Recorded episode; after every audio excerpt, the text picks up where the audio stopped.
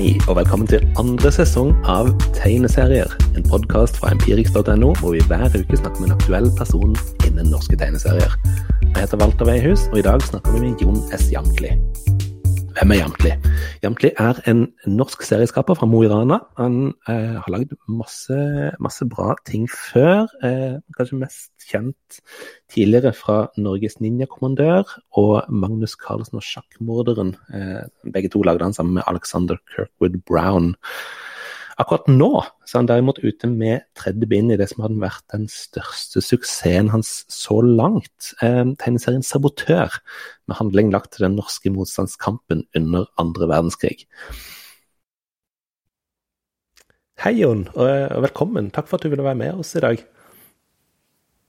Tusen takk. Takk sjøl. jo, takk.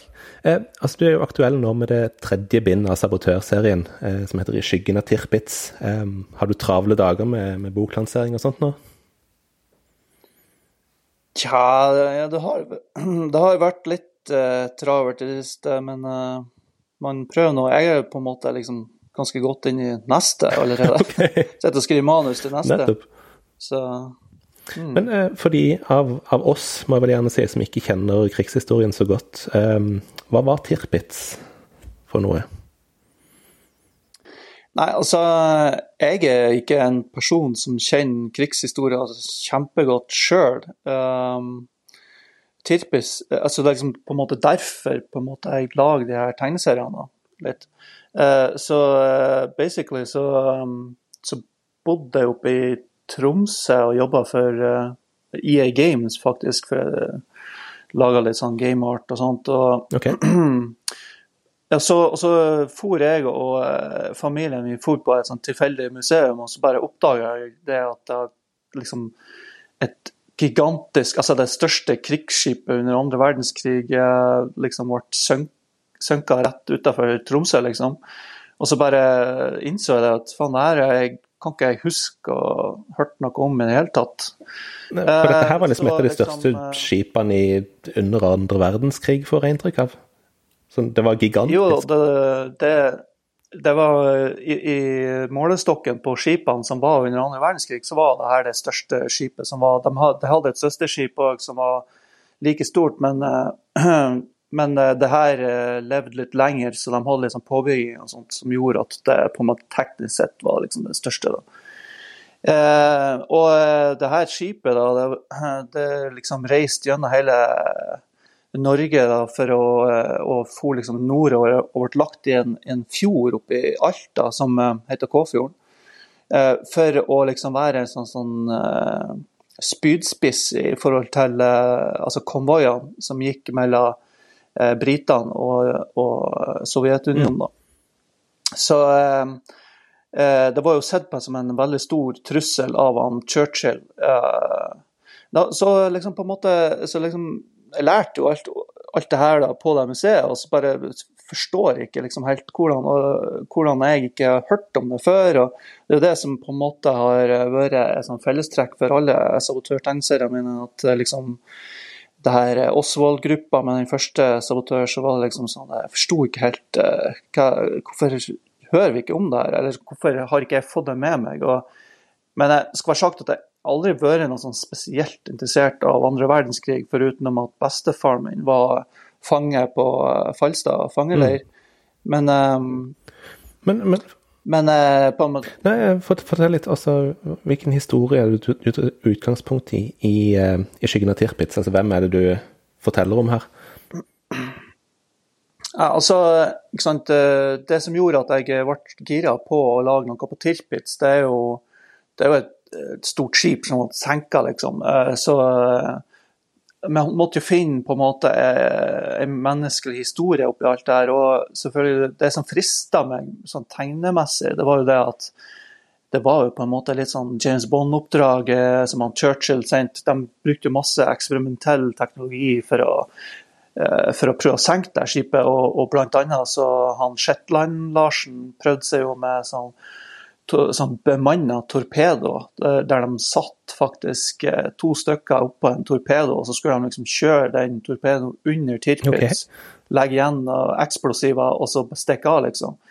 Eh, og eh, det var eksperimentelle eh, bomber og, og u, altså andre typer ubåter. Masse forskjellig sånt. Så, så, jeg på en måte hadde lyst til å tegne det, men også prøvde liksom å finne liksom, det, det, går ikke an å bare lage det. da. Det, det, er jo liksom Man må ha noe personlig historie mm. i det. Og Det var da jeg kom over de her karene som drev og spionerte på Eh, Tirpitz eh, når det lå oppe i, den, eh, i Kåfjorden og i Alta. Og Der var jo bl.a. han Torstein Råby, som senere ble med på Kon-Tiki-ekspedisjonen. Mm. Eh, og så to andre karer som jeg har vært og fokusert på, som heter eh, Kalle Rasmussen og Harry Pettersen.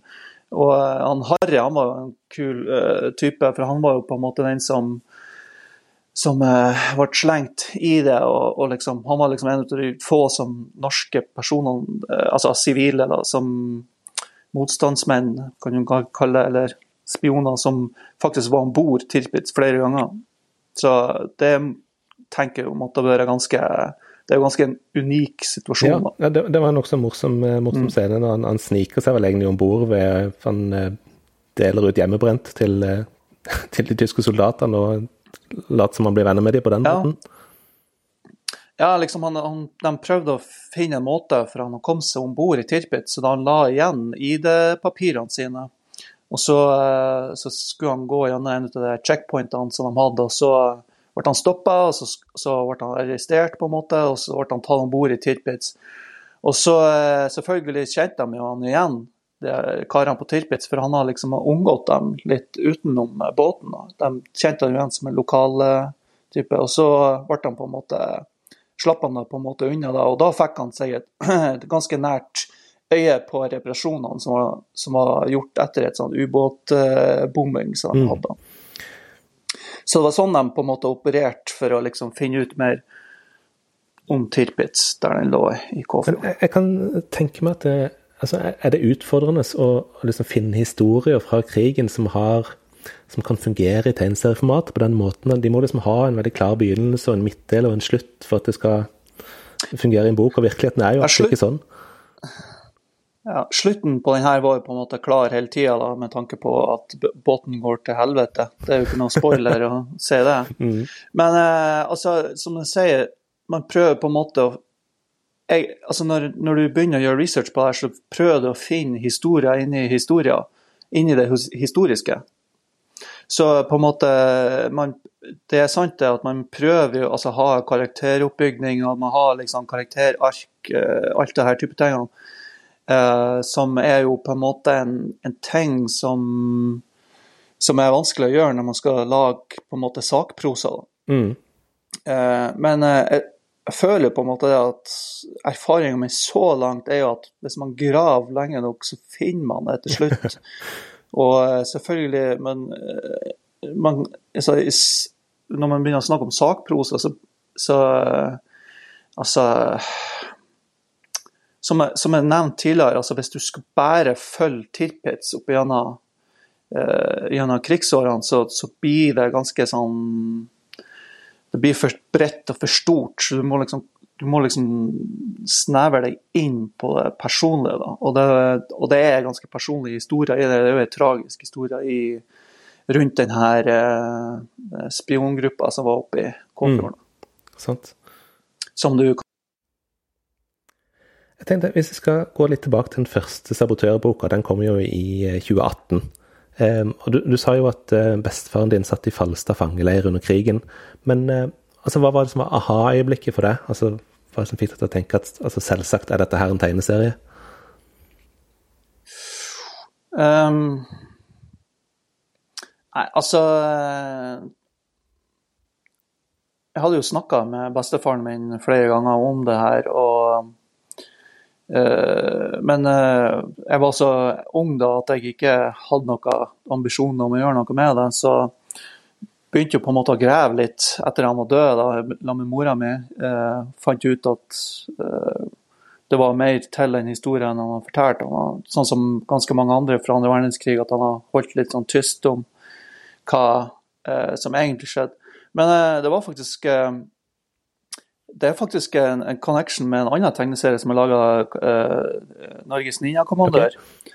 som handler om Arne Treholt. sånt, for at jeg var med på å lage filmen om det som heter 'Kommandør Treholt og Ninjatroppen'.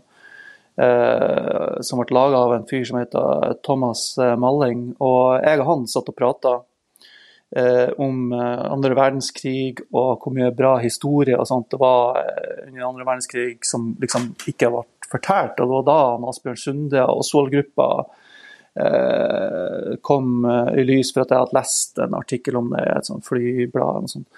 Eh, og så, så gikk han på en måte og starta et sånt klokkemerke der han hadde ei klokke som faktisk heter Sabotør. Og liksom eh, etter det at jeg på en måte Det ble liksom stuck inn i hodet mitt, da det her navnet sabotør. Og så endte det opp med at uh, på en måte, det var en Asbjørn Sunde og Osvold-gruppa som på en måte Jeg var stuck der, da. Og selvfølgelig, når jeg laga Dass og Norges Ninjakommandør og sånt, så, så lå det ja, koka i bakgrunnen. da, og så og så var det vel på et eh, Jeg jobba for et sånn ganske kjedelig eh, mobilselskap. og Det var mye sånn at jeg satt og tegna i møtene. og så Rett etter, rett etter, at jeg hadde lest uh, Krugeren Krog, så satt jeg og tenkte for at tenkte liksom jeg skulle lage en tegneserie i sånn ganske sånn realistisk stil, sånn som jeg gjorde i uh, Norges Ninjakommandør.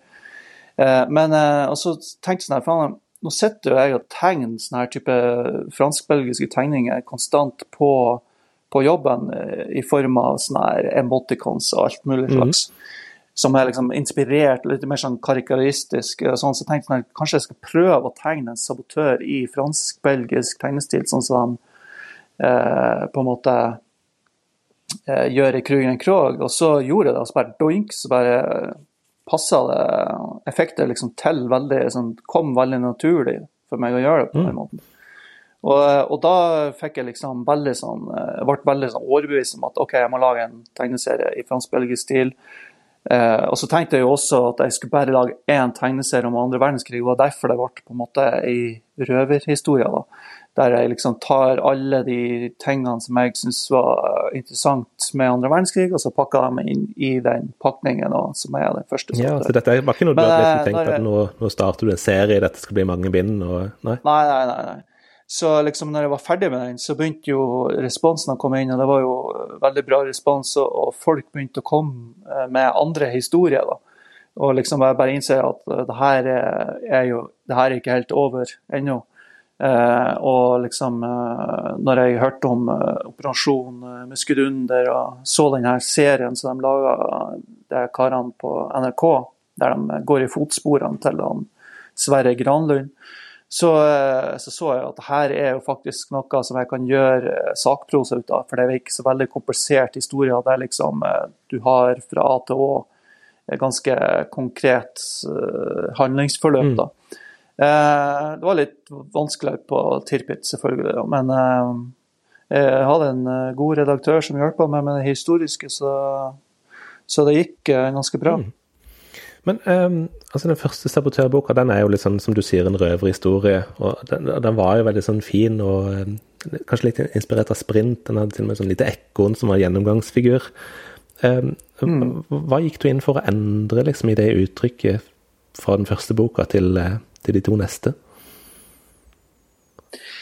Uh, nei, altså det er jo det her sakprosa-aspektet. Du må jo, uh, hvis du skal søke søker om penger til sakprosaprosjekter, så må du eh, altså, Jeg vet ikke, jeg kunne sikkert lurt inn det der ekornet liksom, en plass. Eh, men, eh, men altså, i, i, den første så er det på en måte ekornet en sånn Ja, det, blir litt sånn sprintaktig at den driver og følger dem, og, og den har liksom til syvende og sist en aktiv del av historien. Sånn. Men, men jeg valgte å, å, gå vekk fra det da, og så gå mer mot eh, ja, det mer realistiske historieaspektet med det. Mm. Jeg vet ikke Altså, jeg føler på en måte at de er veldig like ennå, da. Eh, Fortellerteknisk eh, Altså, jeg har jo eh, Jeg har ikke hatt så veldig mye sånn endringer på regler og sånn i tegnestilmessig, men det blir jo på hvordan man forteller historisk. Ja, jeg, jeg, ser jo at på en måte at at nummer to den er ikke like spennende som den første, pga. at i den første så har du liksom twist har liksom lagt inn en twist der. Mm. og liksom, Så du føler på en måte litt mer sånn her påskemysterium-stil. ja. Men eh, jeg tenker på eh, Den første boka, så, altså, det er jo en altså røverhistorie, så der endrer det jo litt på krigshistorien. Men i de neste bindene så, så, så, har du gått litt bort fra det. Der vil du mer fortelle hva som, eh, hva som virkelig skjedde, på en måte. Stemmer det? Ja da. Det, det er det som er hensikten. Mm. Og, altså, det er jo veldig mange som Jeg har jo eh, faktisk, har jo faktisk uh, skudd under. Den kommer jo inn på innkjøpsordninga som sakprosa, og ikke som tegneserie. Nettopp. Så det er litt interessant i forhold til når du skal i biblioteket, så er det jo noen bibliotek som som velger å putte den i sakprosadelen. Nettopp, så den står sammen med resten av krigshistorien, rett og slett? Ja, som er jo uh, veldig kult, det. Men det er jo litt kjipt når du drar og skal sjekke For at det første instinktet ditt er å gå og sjekke tegneserier. Ja, men, uh, men dem som uh, har de bibliotekarene som har litt peiling, de vet at de skal bestille inn en heksebok og så sette ei på begge. ja, sant. Men jeg tenkte på, altså det er jo veldig mange som lager historiske tegneserier i Norge nå. Um, og alle har litt sånn ulikt forhold til, til fakta. Altså, vi har Steffen Kverneland, Lars Fiske. Mm. Eh, de lager kunstnerbiografier, og de vil liksom utelukkende bruke samtidige primærkilder. Altså, de er veldig eh, hardcore der. Eh, Christian Krogh Sørensen han sitter på Nasjonalbiblioteket, gjør mye research både for historien og for det visuelle eh, når han tegner om gulosten, smugleren. Eh, og, og, du har også nevnt eh, Krüger og Krog som inspirasjon. så lurer jeg på, altså, Hvor viktig er det for deg å få liksom, alle detaljene rett eller er det underordna for, eh, for, en god historie? Detaljene i historie eller i tegningen? Hva er, hva er eh, Nei, i, i tegningene tenker jeg på. I det visuelle. Ok, ja, I tegningen så går jeg ganske godt inn i det. altså.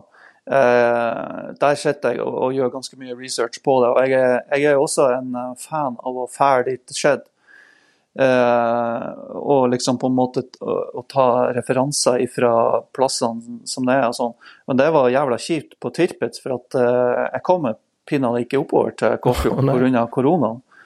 Så nå når jeg er der oppe nå, så er det liksom første gangen jeg drar oppover dit, og det er for å lansere tegneserien. Så, men der har jeg liksom på en måte tatt tak i ganske mye gammelt, altså historiske bilder fra når Tirpitz lå der oppe, men også ganske mye moderne bilder fra folk som er der oppe nå, da, som liksom på en måte har tatt bilder. og jeg er med i ganske mye sånn Facebook-gruppe og sånt for å liksom på en måte få det til. Men eh, altså, jeg har vært på Nasjonalbiblioteket sjøl, og liksom, jeg prøver jo å, å gjøre det så, så, godt jeg kan. Som, men altså, jeg er jo ikke utdanna historiker på noe vis i det hele tatt, så jeg, jeg learn as I go mm. på research-delen. Eh, og det må jeg bare være helt ærlig om. og liksom Jeg har mine, mine eh, både fordeler og ulemper med det, føler jeg. da. Mm. Uh, men jeg, altså, jeg, jeg, prøver å gjøre det så godt som mulig. Jeg og liksom, jeg prøver å få skoene rett og, og sykkelen og liksom eh, radio, Kofferten med radioen i. Alt skal være liksom på stell. Eh, og så, sånn visuelt sett så føler jeg at veldig komfortabelt på eh, at alt er historisk korrekt. Mm. Eh, når det kommer til det historiske i, i formidlinga og å bruke primærkilder og sånt, så er jeg mer sånn eh, at jeg Jeg prøver å lese så mye som mulig. Eh, men liksom, når du eh, Altså når du må lese 2000 eh, sider Ja, de er tykke, de krigsbøkene. Liksom, altså, de er jækla altså, Ei vanlig krigsbok er på 350 sider, 400 sider. Og så, og så tar den for seg så sinnssykt mye som er urelevant for det du holder på med. Så du må sitte og skuffe deg gjennom ganske mye informasjon for å, å finne fram til det du har lyst til å fortelle. Mm. Og eh, altså, en eh, tegneserie er jo en komprimert versjon av det historiske, uansett hva som du ser det. da. Og, men den tar opp igjen på det visuelle. da. Så Derfor er det visuelle researchen eh, en viktig del av det å lage sakprosa-tegneserier. Mm. Men Føler du på et spesielt ansvar når du lager tegneserier om altså, personer som har levd, eller, eller som lever enda? Eh, gjør det noe spesielt der? Ja, ja, selvfølgelig. Henter du inn noen tillatelser, eller? Ja, altså, jeg, når det er f.eks. sånn som Torstein Råby og han, eh, Harry Pettersen, og sånt, så bruker jeg jo på en måte å eh, Ja, også liksom eh, Jeg går jo opp altså F.eks. når vi laga om Operasjon som en skuddhunder og sånt, så hørte vi jo på en måte med gjenle, altså slektningene til de som som vi klarte å spore opp, da, om det var greit. Og, og de fleste syns Altså, jeg har aldri opplevd at det er noen som ikke syns det er greit. Da. Mm. Så, eh, men eh, nå har jo jeg på en måte beveget meg ganske mye innenfor det på en måte heroiske innenfor krigen, og det blir jo sannsynligvis kom en gang i framtida at man begynner å komme inn på litt andre aspekter med, med krigen som er litt mer sånn, folk er litt mer hårsår på. Mm. Eh, for det er jo ganske enkelt å fortelle om at Torstein Råbø spionerte på Tirpitz og for på Kon-Tiki. Det er jo veldig sånn heltehistorie, det. Men, eh, men, jeg ser jo det at det er ganske mye andre aspekter med krigen. Jeg kommer bitte litt innpå det på Tirpitz med de her, eh, dem som var på selve båten. At det liksom, ting er ikke svart og hvitt under andre verdenskrig. Men eh, det er også veldig viktig for meg at de her tegneseriene som jeg lager, ikke skal være sånn heltedyrkelse. Altså, skal ikke, man skal ikke få inntrykk eh, av at krigen var noe enkel eh, for noen, liksom. og, og at sånn heltedyrkning blir altså Hvis du ser i etterkrigstida, det var så mye sånn ganske sånn tvilsom gjenfortelling av krigen, da, mm. både i form av bøker og filmer. og sånn. Så, så, jeg har ikke lyst til at det skal være det, men, eh, men altså, det var jo eh, mye heltedåd under krigen. og Jeg føler jo på en måte at de er, de er verdt å gjenfortelle. Mm. Det... Jeg vet ikke om jeg svarte på spørsmålet. Jo, absolutt. Eh, jeg må bare si at Det var noe jeg likte godt med, med Tirpitz, at du også altså, tyskerne var heller ikke svart-hvitt eh, skildra alltid. Eh, som du nevner, ja. han, eh, han, på båten som vi, eh, som vi blir kjent med fra starten og følger gjennom eh, helt til, helt, til, slutten. Det var et veldig fint grep.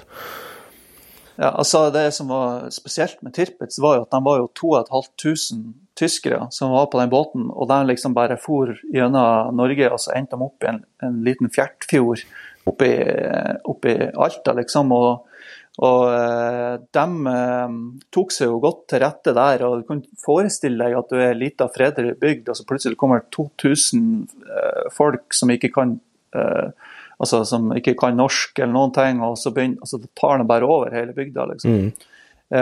Og det som var greia med det, at Tirpitz det selv om det var liksom den største faren som var der oppe, så var det ganske lite action på Tirpitz. For de, det eneste action de fikk oppleve, var jo å bli bomba, egentlig. Nettopp. Så uh, de ble jo bomba kontinuerlig. Uh, det var liksom det som skjedde med Tirpitz.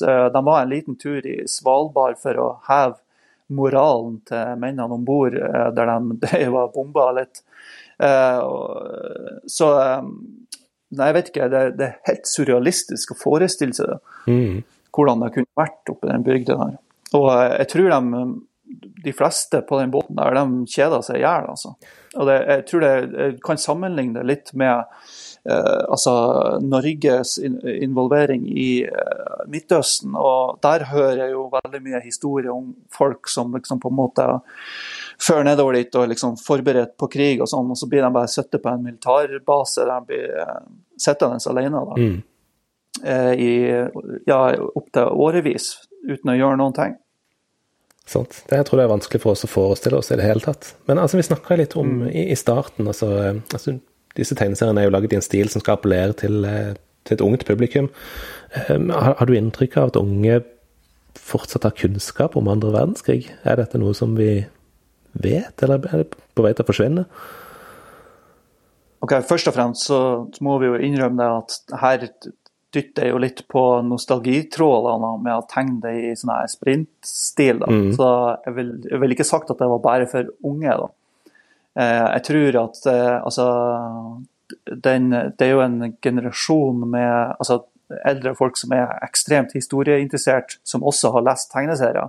Så det her er liksom en, en perfekt stil for dem å oppleve andre verdenskrig. Og, og pluss at man får et helt sånn her eh, nytt, unikt uh, inntrykk uh, til andre verdenskrig uh, gjennom denne type stilen. Mm. Men det skal være sagt da, at jeg er jo litt på den kulturelle skolesekken, og der opplever jeg mye rart. Bl.a. blant annet liksom når jeg viser eh, bomminga på Østbanestasjonen, som jeg bruker å ha som et eksempel på sånne typiske bombinger under sabotørbombing under andre verdenskrig. Og eh, der eh, har jeg fått mange ganger at, eh, at kidsene de forstår De tror ikke på De tror at det er fake, det er ikke ekte. Så liksom, og opplevde også med Operasjon Muskelinje at de tror at det er noe jeg har funnet opp. Nettopp. Så eh, det er definitivt uh, viktig å fortelle historie Altså og, og liksom jeg, jeg, altså når, Med tegneserier, det som er greia, det var at når, når jeg var på skolen uh, som en kid og ikke brydde meg om noen ting og satt og tegna i timene, så eh, ikke var noe skoleflink i det hele tatt, så, så for vi jo i biblioteket og skulle liksom låne ei bok. Og da kom jeg ut med Akira, Gåsen i og Valhall. Eh, ikke sant? Så, så på en måte Det gjør jo noe med det. Og jeg får ennå meldinger da, på eh, sosiale medier fra bibliotek, bibliotekarer og lærere om at at unger liksom på en måte som ikke er noe særlig interessert i bøker og sånn, at de plukker opp eh, sabotør og liksom leser om det, og liksom eh, at de på en måte blir underholdt samtidig som lærer historie, er jo fantastisk. Og da spesielt gutter, da. Eh, for er jo, dem er jo veldig vanskelig å få til å lese. Ja, skjønner.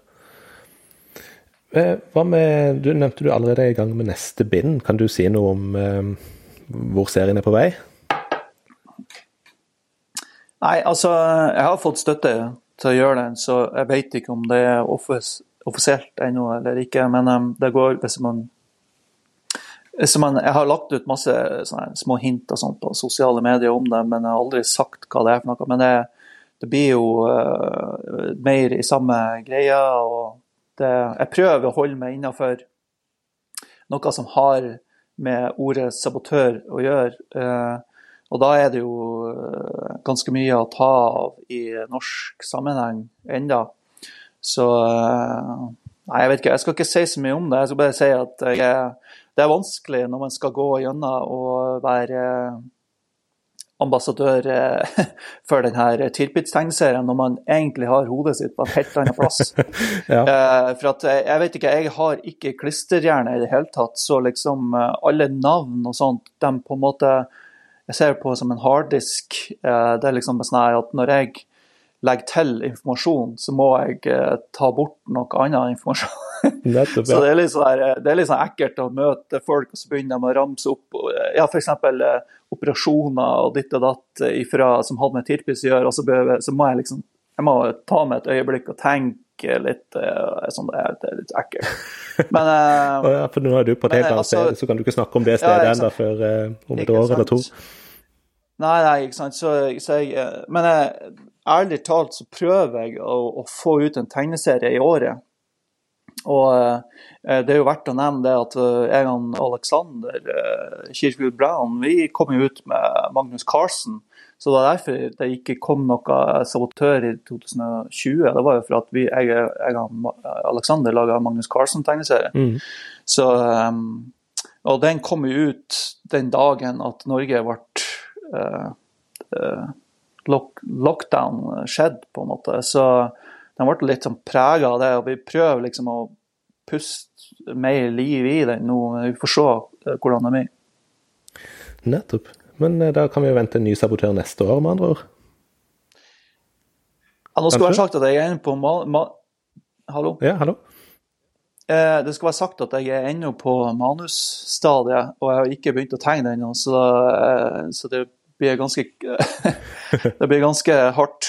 Eh, men vi får se. Jeg, jeg, tar det så det kommer. Har, jeg har ikke avtalt noe deadline eller noe sånt ennå.